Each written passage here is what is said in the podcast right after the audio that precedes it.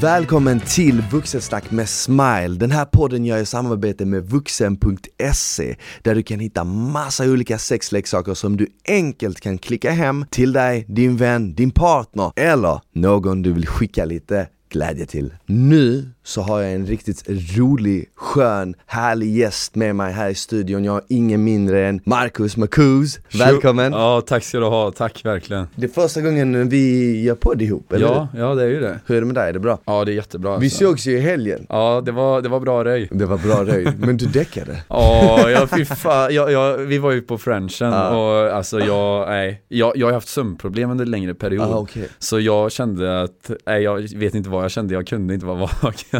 Men jag har ju sett det på din Instagram, för du är ju känd från eh, Paradise Hotel och Love Island. Jag har ju vetat vem du är länge, och sen har vi ju lärt känna varandra genom eh, Studio Paradise. Men nu följer jag dig på Instagram och jag har sett det här med sömnproblemen poppa upp flera gånger, vad är det för något? Alltså jag vet inte vad det är men jag tror att så här var det. I våras som sagt, då mådde jag jäkligt dåligt under en längre period. Då var det tvärtom, då sov jag jättelänge för jag ville sova bort dagen. Men nu har det blivit typ tvärtom, att jag är typ peppad på morgondagen. Så det blir att, jag vet inte, min hjärna typ vaknar tidigt. Aha, Fast jag, inte, Ah, okej. jag vill egentligen sova ut, det vill jag. Men det blir så här att jag sover typ bara max fem timmar. Men blev du trött i lördags? För vi var ju ute och så drog vi till eh, Mr French då och så däckade du typ vid bordet så däckade Jag bara kolla Marcus sover alltså så här, Värsta musiken. Du, du, du, Oh, du, shit. Alla helt röj och så bara såg jag dig och du bara så här, Ja, jag fick ju tillsägelse två gånger av att sova och jag blev typ lite smått irriterad. Jag bara, jag gör ju inte en fluga för när liksom.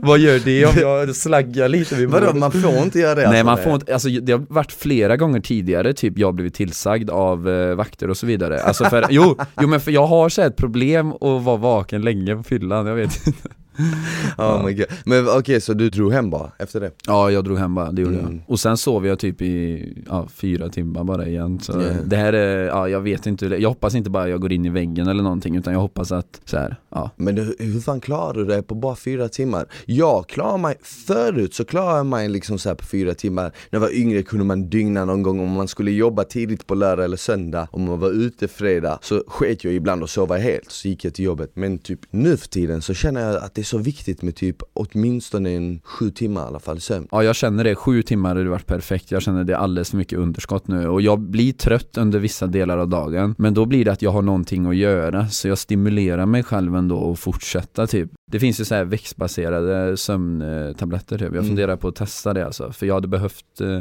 några Törnrosa sömn, sömnar Det är så, men eh, du tränar om dagarna eller hur? Ja jag tränar jättemycket nu faktiskt Så det, ja. det hjälper ju ändå. En sak som har hjälpt mig att somna superenkelt, det är just det här med träningen. Speciellt om man tränar tidigt på dagen. Om man tränar lite senare, då är man uppe i varv, då kan det bli svårare. Men om man tränar lite tidigare på dagen, då blir det så enkelt sen när man ska somna. Man somnar snabbare, man sover djupare, man vaknar liksom piggare.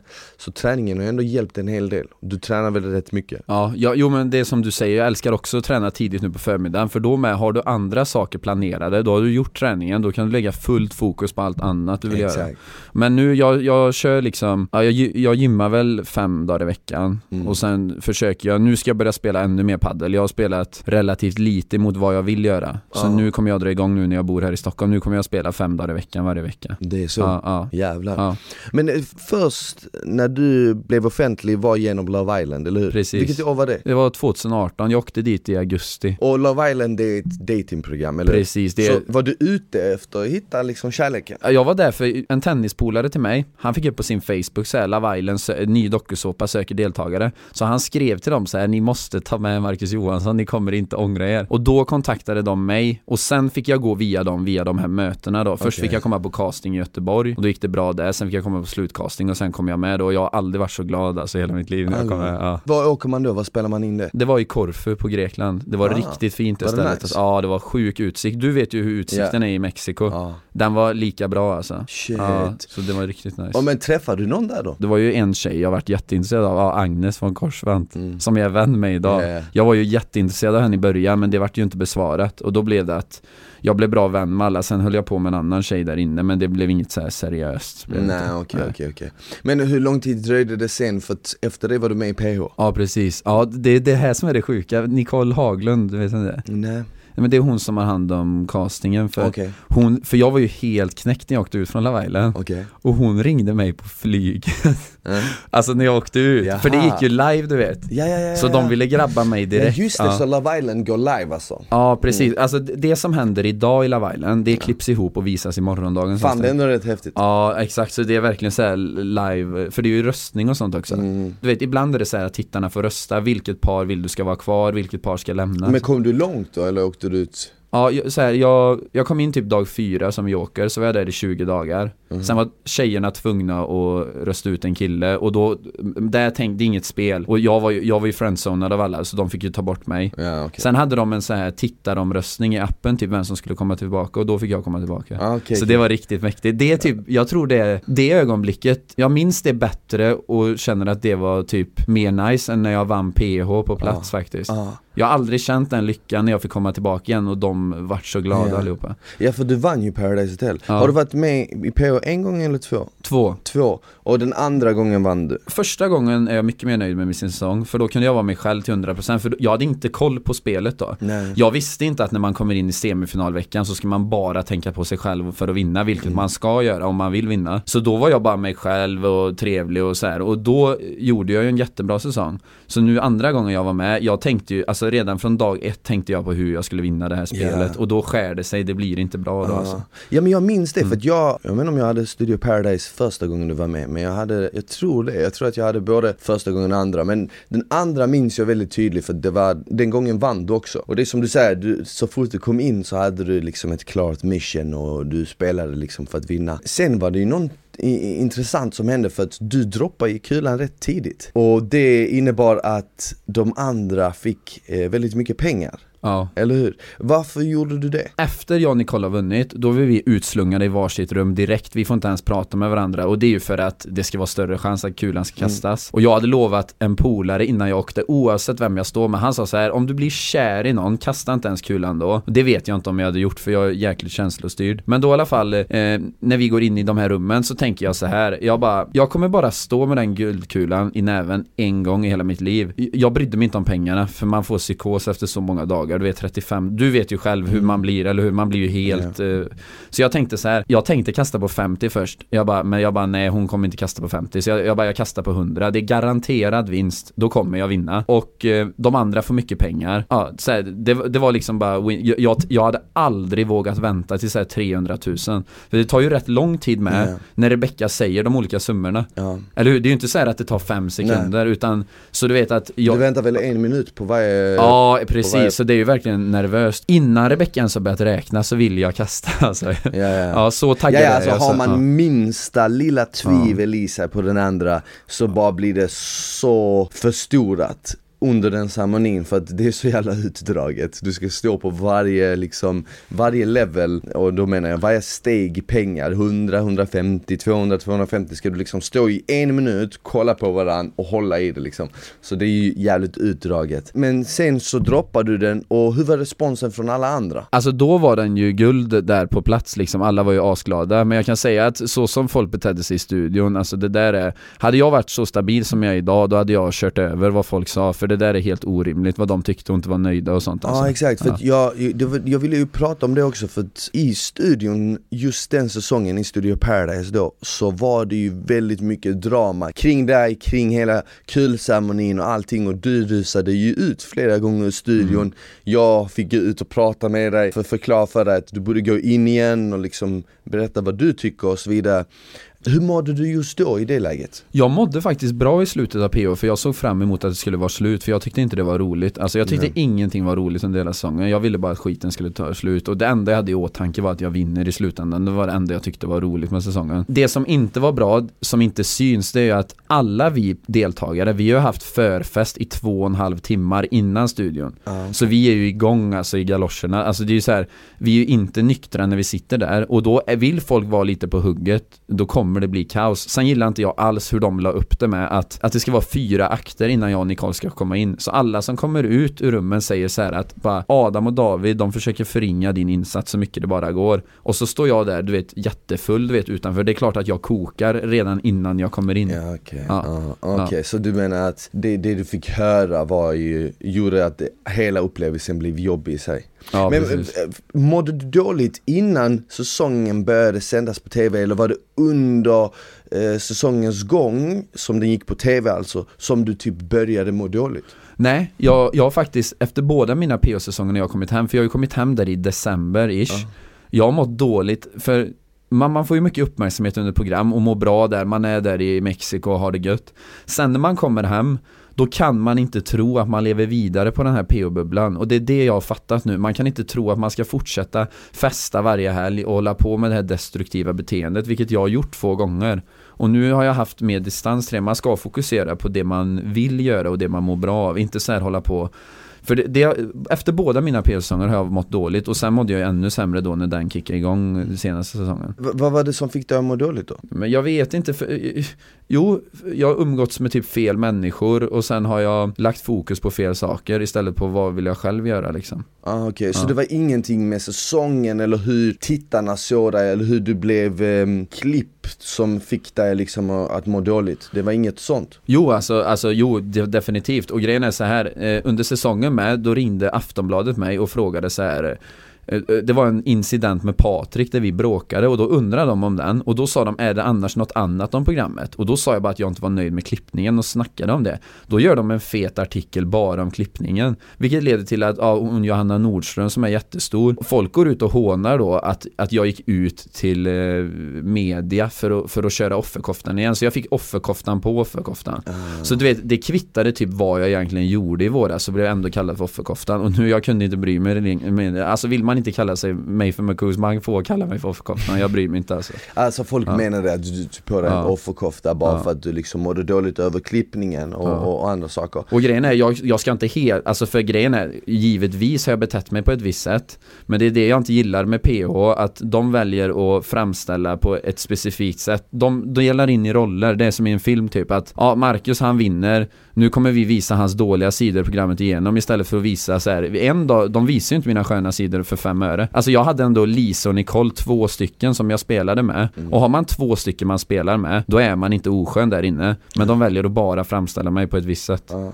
Ja det är ju det som är grejen med ett sånt program, det är ju att alla måste ju ha en tydlig roll. Mm. Ja, någon precis. måste ju liksom vara jokern, den som får alla att skratta, någon måste vara romantikon, den Och du var ju hård spelare liksom. Exakt, Ja. Mm. någon får vara spelare, någon får vara liksom den gode, den glade du vet Ja, och det Som är väl- det är där på semester liksom Ja, exakt, och, exakt. Och, och du vet, de här rollerna måste ju vara mer eller mindre fasta. Visst, man kan gå utanför sin roll lite grann här och där För det är det som också skapar en chock för tittarna. För att om folk tittar på programmet och så är du den gode och sen så bara gör du något superfalskt enligt liksom tittarna då Då blir det ju värsta grejen av det hela. Det är också en grej som många reagerar ju väldigt starkt på programmet när de tittar. Alltså jag menar tittar, många engagerar sig väldigt hårt i det. Det är nästan som att man inte riktigt skiljer på verklighet och spel utan man tänker så här, oh shit, fan vad hemskt. Hur fan kunde han ljuga för henne? Eller hur kunde hon hugga sin bästa vän liksom? Fast man inser inte att det är ett spel som tvingar en till att kanske göra beslut som man aldrig i det vanliga livet hade gjort. Exakt, och det är det här jag tycker är tråkigt och många som tittar på programmet. Först och främst så förstår de inte, hade de varit där inne själva så hade de fattat vilken påfrestning det är. Det handlar om pengar, du dricker varje dag och är full så du kommer göra bort dig samt att folk ljuger för dig konstant. Då kommer du inte bli stabil, du kommer göra misstag. Ja, ja, ja, alltså det är ju inte i närheten av hur det vanliga livet ser ut. Nej, nej, nej, Du, du är ju liksom i den här bubblan, du får inte använda mobil, du får inte ens ta upp och skriva något på ett papper, du får inte göra någonting. Och varje dag så riskerar du ju då att åka ut och varje dag så vet du inte riktigt om den du pratar med talar sanning eller om de ljuger. Så efter liksom 10, 20, 30 dagar, det är klart att efter en månad då blir du ju liksom lite paranoid. Speciellt om du är en karaktär som du var i din säsong, tog en del plats. Fortfarande, du är en känslig kille, men jag misstänker att när du väl var ledsen i huset så var du ju ledsen ibland. Även om många skulle kunna tolka det som att det var en offerkofta du tog på dig. Sen vet man inte, ibland kanske man vill trycka på tårar för att det rent spelmässigt kanske det hade hjälpt en du vet. Förstår du vad jag menar? För att det är ju i slutet på dagen ett spel. Men det är ju det också som tittare blir det ju svårt att skilja på vem är Marcus egentligen? Är han den här i huset eller är han liksom en god kille? Det är där skon klämmer lite. Jag skulle varit mycket mer ärlig vad jag tänkte. Eh, alltså för grejen är så här, jag var inte där för att skaffa nya vänner. För jag har mina vänner. Dock självklart så hade jag trevligt och roligt med alla och det är vissa som jag hänger med som jag tycker är sköna. Men jag var där för att vinna andra gången. Det, det var mitt huvudmål, jag var där för att vinna, det var inget snack så här. Så ha, hade jag åkt ut i semifinal igen, alltså så här, kunnat vara mig själv lika mycket som jag var min första säsong. Då hade jag varit mer missnöjd kontra ändå vinklade som jag gjorde och vinna. För det var ju mitt mål att vinna andra gången. Jag minns ju i höstas när eh, programmet gick Québec.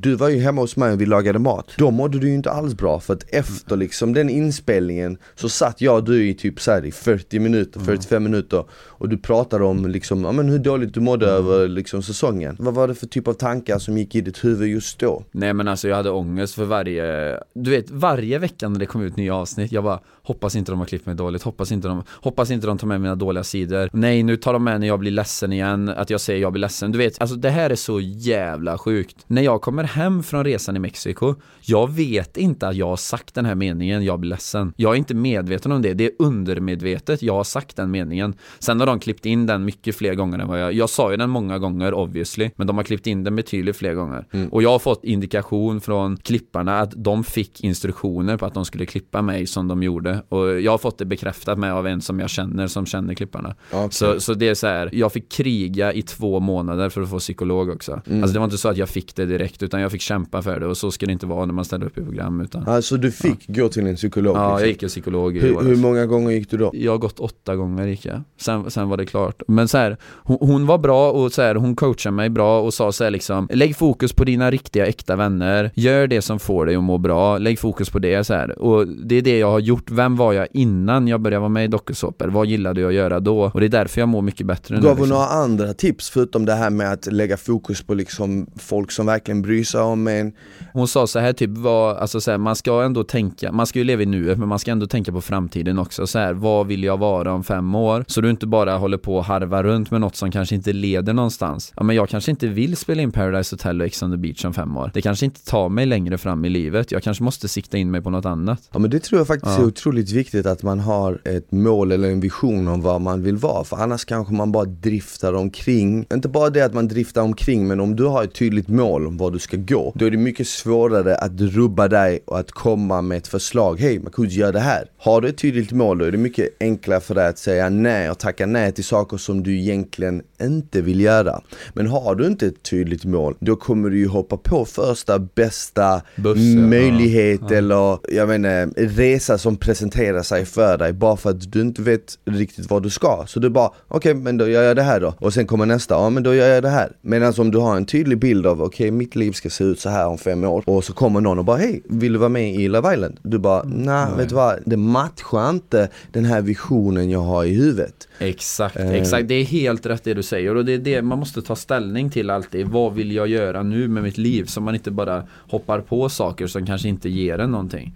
För det är det jag har gjort. Jag har levt så lite destruktivt efter de här säsongerna och det är därför jag liksom har sprungit runt i en labyrint. Ja men du, alltså jag, ja, ja. Mm. Kändes det som att efter de tillfällena var det det som gjorde att det blev bättre? Nej, alltså hon gav ju, hon gav bra råd gjorde hon, men det är ändå ens egna, alltså det är ens egna liv, man måste ta tag i saker själv, man kan, det här är nog det värsta jag gjort tidigare, vilket är helt motsatsen nu, det är att skjuta upp saker.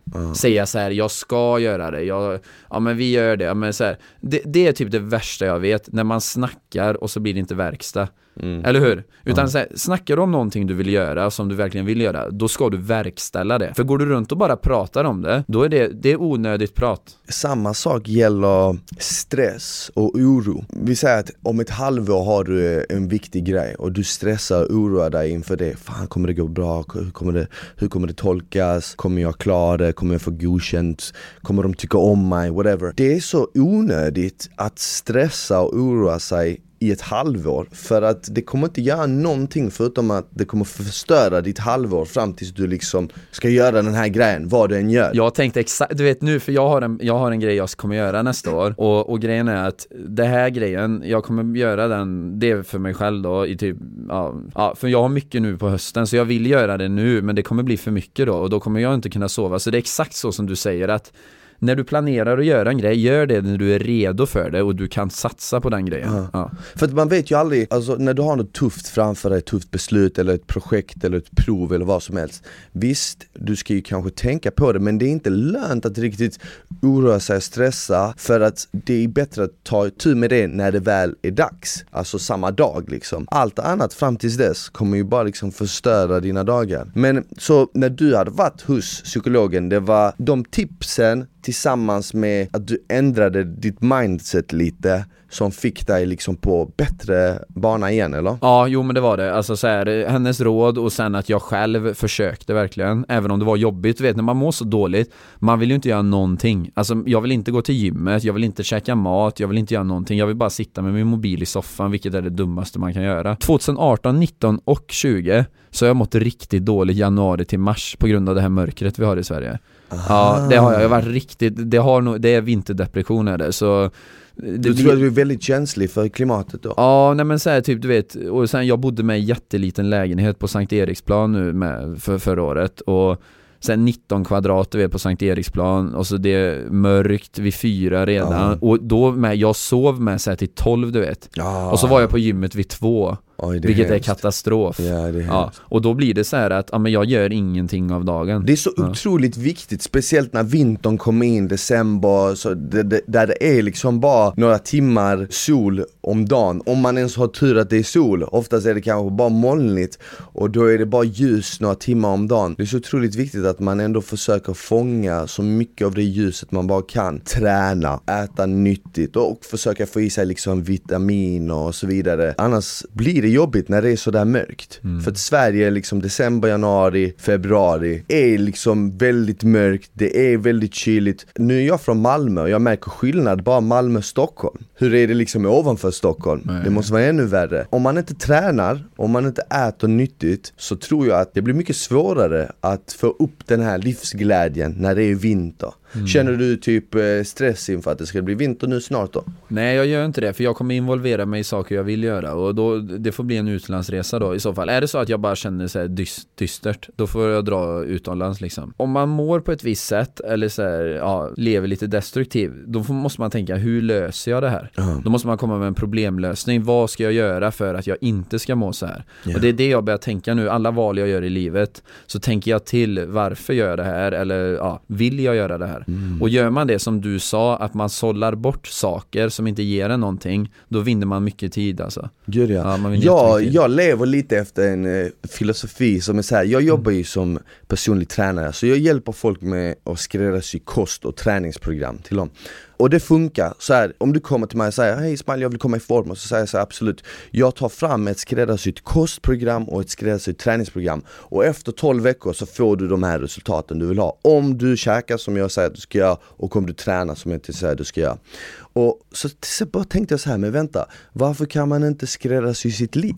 Om jag går upp vid den här tiden och om jag jobbar så här många timmar och om jag umgås med de här människorna och om jag konsumerar de här böckerna och kollar på de här dokumentärerna och tänker på det här viset kan inte mitt liv se ut på ett visst sätt efter 12 veckor eller halvår eller 12 år som jag hade velat att det gör. Precis som i träningens väg, du lägger upp ett mål, du kanske vill droppa 15 kilo och om du gör rätt efter 12 veckor så är du där. Men här kanske du vill, jag vet inte, du kanske vill bo i ett nice stort hus, ha en härlig familj, jobba med ditt drömjobb inom 10 år. Varför skulle du inte kunna göra det om du följer den här planen? Definitivt. Nej men jag håller med dig, alltså så här, det jag har märkt nu varför jag, eh, vet du, varför det går mycket enklare det är att jag, alltså förut jag var kass på att planera saker. Alltså det fanns inte att planera utan jag var impulsiv varje timme. Vad ska jag göra nu? Jag gör det. Så nu planerar jag min dag, lägger upp den och då vet jag vad jag kommer göra liksom. Och då vet jag att jag kommer bli nöjd. För planerar jag dagen och utför det så som jag har planerat, då kommer jag vara nöjd när dagen är slut. Vad lärde du dig det? I och med att jag varit så inaktiv i våras och slapp och verkligen inte gjort någonting och mått skit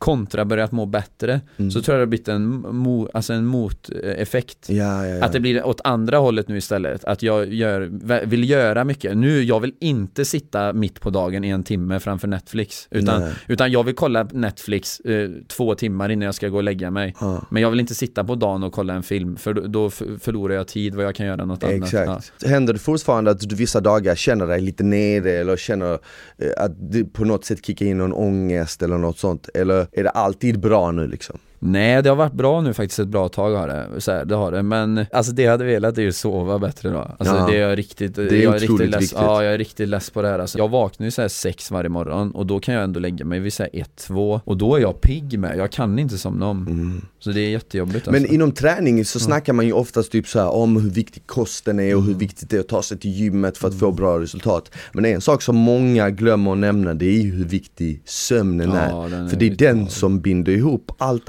andra. Är- Kvittar liksom om du har världens bästa jobb och tränar fem dagar i veckan och käkar skitbra, om din sömn är ru- rubbad då fallerar allt det. Du vet, Ja. det är precis som att alla de punkterna är sina egna pelare och du måste liksom ha uppe varje pelare för att du liksom ska kunna hålla det. Men en sak jag också börjat lära mig nu på sistone, för jag, jag är så här, jag försöker alltid tänka, ja men jag är jävligt tacksam för allting och jag tror att ur min tacksamhet för livet, för att jag lever, för att jag andas, för att jag är frisk så kommer ju också min positivitet. Men visst, vissa gånger ibland så kan man inte vara lika positiv, då är man lite lack och då tänker man ju alltid så här, fan, många pushar för att man ska alltid vara jävligt glad och man ska alltid vara jävligt positiv och livet är underbart och dittan dattan. Men livet är ju så mycket mer än bara det, eller hur? Livet är ju inte bara positivt. Nej, verkligen för, inte. För livet är ju, det är som yin yang, du vet. Livet är ju också, ibland är livet negativt, ibland suger livet.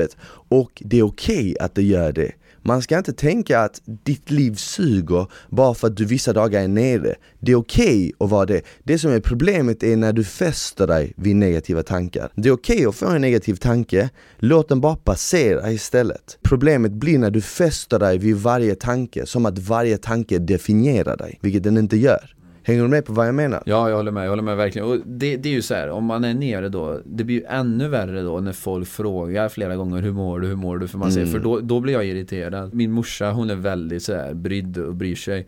Och då är det så här, ser hon att jag är minsta nere, då får man liksom fem frågor på det. Och då blir man irriterad istället. Då blir man mer irriterad. Men jag har Mm. sagt det nu till henne, att det är bara eh, låta mig vara när jag är på dåligt humör. Så. Ja, ja, men jag, jag fattar exakt vad Ja. du menar. Det är som folk som eh, ska ge en typ lite så här tips om hur man ska leva sitt liv. Det är också någonting som jag irriterar mig Ja, på. ja, exakt. Du vet, så typ, Jag men med. alltså, Mm. du borde göra så här för att det kommer bla bla bla och man bara åh, Nej, jag vet, jag, jag bara lyssnar Alltså. ut För grejen är så här att det är det här som är i många fall fel när någon vill tipsa någon. Vi säger om jag skulle vilja coacha dig nu hur du ska leva ditt liv. Mm. Då, kommer jag, då kommer jag dra mina referenser, eller mina preferenser, vad jag tycker är bra i livet. Ja. Och du håller inte med om det. För vi, vi, vi har ju många liknande intressen, men alla intressen vi har är ju inte samma, hur? Så skulle jag säga vad du ska göra, då kommer det vara vissa saker som du inte, vissa saker kommer du tycka är kul, men det kommer inte vara så här att det matchar helt. nej såklart Nej, inte. man, så många så här, de tipsar typ efter vad de tycker själva. Ja. De ser inte efter individens eh, Nej, behov. alla liksom. utgår ju efter sig själv. Det är också därför det är väldigt, på ett sätt, det finns en risk med att ta råd från folk. Ja men låt oss säga att du har en dröm att du vill liksom, eh, för jag vet att du spelar paddel, så låt oss säga att din dröm skulle vara att satsa på paddel nu och öppna upp dina egna paddelanläggningar. okej? Och så kommer du till mig och så säger du så här, hej Smile jag har den här visionen, jag vill öppna upp egna paddelanläggningar och jag, jag, vill, bli- jag vill bli Sveriges paddelkung liksom. Och så säger jag så här som har haft erfarenhet av att jag har försökt öppna upp saker men det har gått åt skiten och dittan dattan.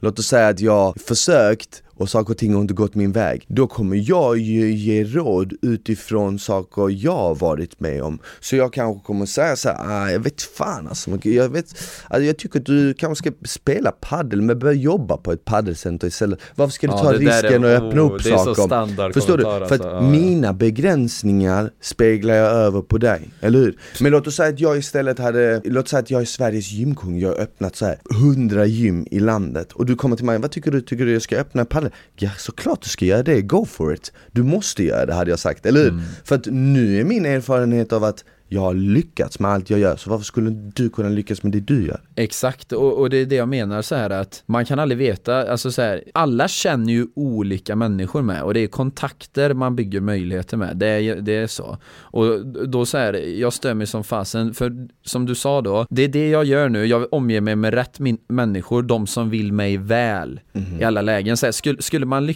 man ska vara med de människorna som typ lyckas man med någonting så berömmer de och, och, är glada för en skull. Och i det här, alltså tyvärr så är det så att många, om det skulle gå bra för en, de blir avundsjuka och vill här, eh, säga negativa saker och bara yeah. ah, tänk på det här, tänk på det här. Och det är sådana människor jag sållar bort just nu yeah. faktiskt. Ja, för det känns ju som att många, för många betyder typ din framgång deras nederlag typ. Ja, ja, ja men exakt På det något så konstigt det. sätt. Ja men det är jätteskumt att, alltså. Precis som att framgång är något som är begränsat och det bara finns en viss mängd av det. Ja. Och uh, ju fler som har det, det betyder att det finns mindre. Men så är det ju inte. Alltså alla möjligheter som finns skapar man från intet liksom. Man kan ju alltid skapa saker. Om man tänker att i världen är saker och ting obegränsade, du kan alltid skapa möjligheter. Då får du också en annan typ av inställning som inte är så begränsad, då betyder inte typ din framgång mitt misslyckande. Men det känns ju som att många eller nu ska inte, inte säga många, många men, vissa, vissa, vissa, vissa är ju så, det är därför jag också är väldigt försiktig med liksom, ja men ta råd eller såna här grejer Ja, jag med, jag har blivit det nu, alltså jag, verkligen du vet, alltså jag, jag märker vilka som vill mig väl nu och vilka som typ inte är riktig vänskap alltså. Mm. För så här, det, är bara, det är bara att observera och se. Jo till exempel så här, när, i våras då, när jag, när jag vinklas eh, dåligt en hel säsong i flera månader då, då får man inte någon uppmärksamhet av en sån här typ av person Men om det börjar gå bra, då får man uppmärksamhet och då är det så här. Jag, jag är så, nej, utan nu, jag, jag, jag vill lägga fokus på mitt och, och, så här. Det är därför jag tycker, jag tycker det är jävligt kul att gymma med dig För jag vet att vi, vi hjälper varandra liksom Ja såklart ja. Och nu har du börjat uh, köra mycket mer paddel eller hur? Mm, mm. Vi ska ju spela paddel i ja, veckan Ja det ska vi, vi ska spela paddel i veckan Du, ja. jag, Jasse, Niklas Exakt, ja. jag spelade, jag var nyligen i Mallorca mm. Och jag spelade padel typ varje dag Jag ska alltså till Marbella i höst Du ska det? Ja jag ska det, jag har bestämt mig jag ska För att spela liksom? Ja, spela och ha det ja. gött va? Ja. Men padel är fan kul och det har blivit jävligt stort i ja, Sverige Ja verkligen, verkligen Varför tror du det har blivit så hypat i Sverige? Jag tror för att, eh, om man jämför med tennis då det är mycket enklare sport som nybörjare att spela. Mm. Det är inte lika avancerat. Om du som nybörjare ska spela tennis, då måste du ha bollsinne för att få över bollen och det behöver du inte i paddel. Och sen är paddel mer socialt med. Du är fyra personer och det blir bättre spel. För du kan ju ta bollen efter den och nudda glaset. Så exakt. bollen är liv. Ja. Det, det, exakt, det, ja. det, är lättare att vara bra på paddel även om du är nybörjare. Eller mm. vara någorlunda okej okay för att rulla igång ett spel. Mm. Men, um, och sen är det ju nice för det, man kan spela det inomhus, det finns i de flesta stora städer Ja det är helt sjukt nu alltså, Hur ofta kör du? Ja nu har det inte varit så mycket för jag, alltså så här, jag har svårt att hitta spelare men nu har jag linkat ihop mig med några här i Stockholm För jag, jag spelar ändå på en hög nivå och då så här, jag, jag tycker inte Så här är det när det gäller tennis och paddel eh, så om man ska utvecklas som mest så ska man spela med sådana som är jämnbra eller sådana som är bättre. Jaha. Du kan spela med sådana som är lite sämre med, men då får du då är det att du ska ta kommandot i spelet helt. Då får du typ, då kan du träna på olika men moment. Men så är det då inom allt. Mm. Så är det inom allt, även inom styrketräning. Om Exakt, du tränar ja. med någon mm. som är snäpp snäppet starkare, mm. snäppet mer kunnig och atletisk än vad du är i gymmet så kommer du, ditt undermedvetna kommer hela tiden jaga den personen för att komma upp på den nivån. Medan om du tränar med någon som är snäppet sämre eller svagare än dig om jag ska säga så så är det precis som att du, du kommer inte göra det där lilla extra som krävs för att komma en nivå upp utan du är lugn på den nivån du är för att du är ändå nummer ett av er två liksom. Exakt, det är därför jag menar, vi säger så här, om jag gymmar med dig, du har gymmat i tio år, mm. jag har gymmat i två och ett halvt år. Mm. Vad kommer hända om vi gymmar ihop? Jo, jag kommer utvecklas genom att lyssna på dig, för jag tar in det du säger, mm. sen kanske jag gymmar med Genry en annan dag, då tar jag in det han säger, vilket gör att jag utvecklar mig själv. Exakt. Eller hur? Spelar du och jag paddel, då kommer jag instruera och visa dig hur du ska spela. Yeah. Tar du in det jag säger och lyssnar då, då kommer du bli en bättre paddelspelare eftersom jag har koll på läget. Ja, ja, ja. Jag spelar ju paddel ja. nu i nere i Mallorca, jag spelade med Sami, en polare som är grym mm. på padel. Och han gav mig flera tips. Mm. Serva så här, serva Ja. så här. Och jag, när jag tycker en sport är rolig, jag är som en, som en svamp, jag bara suger åt mig all Ja, information. ja. Så du vet, jag gjorde ju verkligen så här. för varje dag gjorde jag grova framsteg. Så jag har ju verkligen typ så här sagt till mig själv, fan nu när hösten kommer in, vintern kommer in, så vill jag börja köra lite paddel För jag tycker kör. att det är viktigt att man inte bara, och det här brukar jag säga till många, många klienter, för många säger så här, eh, jag vill komma i form men jag, jag tycker att styrketräning är så roligt. Då säger jag så här, men lyssna, du behöver inte köra styrketräning, det finns tusentals olika sporter.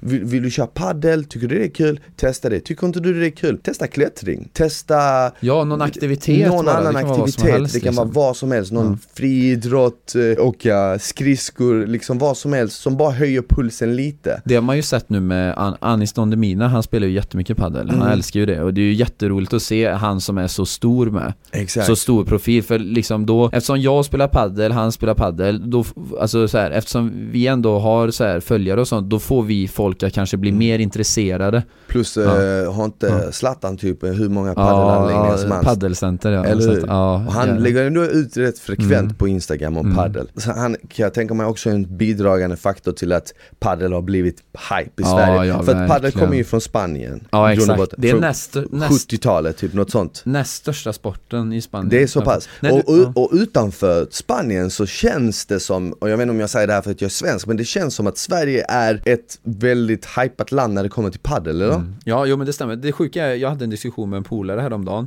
I Tyskland har typ inte paddel expanderat alls. Det Nej. finns knappt hallar. Danmark, de har ju, Danmarks nationalsport är badminton. Så badminton är jättestort i Danmark. Badminton är ja. skitkul. Ja, det är jävligt, det är roligt jävligt också. roligt. Det är jävligt kul också. Ja men nice, fan det ska bli jävligt kul att spela paddel eh, nu i veckan. Ja, det ska det. Det ska bli jävligt kul. Jag, Ja. jag, jag tror, för du är gammal fotbollslirare ju. Ja. Lingonligan. Exakt. Så jag tror, jag tror att du har bollsida alltså. Jag Och- tror du har det. Ja, Och jag är vänsterhänt också. ja så liksom, det, jag, jag, jag får möta Rafa Nadal. Exakt, jag är lite, jag, det, det kommer lite så här ortodoxa slag, du kommer inte vara van vid dem. Men det, det är faktiskt, det här ska jag säga med Nadal. Eh, Nadal är ju världens bästa tennisspelare genom tiderna. Nadal spelade med båda händer fram tills han var 12 år gammal. Han är högerhänt egentligen. Men då sa hans farbror Tony som var hans tränare Nej Rafa, nu får du välja. Vill du spela med vänstern eller högern? Och då tog Nadal beslutet att spela med vänstern, vilket har gjort, gett han extremt mycket fördel. För det är ju jobb, svårare att möta något man inte är van vid. Exakt, det är det jag kommer komma med eh, på torsdag Ja, du kommer spelar. med din lefty där. Så till, till och med jag kommer bli överraskad. Jag tror det. Ja men fan vad kul, Marcus för alla som lyssnar, var hittar man det? På Instagram? Ja, man hittar mig på Instagram, Makus understreck heter jag där. Det finns en från Sydamerika som heter Makus, så jag kan inte ha det. Du får ju skriva till Instagram Ja, att du vill ha ja, en jag skriver. Ja, Fan vad nice, jävligt kul att ha det här. ja, det var riktigt roligt. Tack till alla er som har lyssnat, vi hörs i nästa avsnitt av Vuxensnack med Smile. Ta hand om varandra tills dess, ha det bäst, ciao!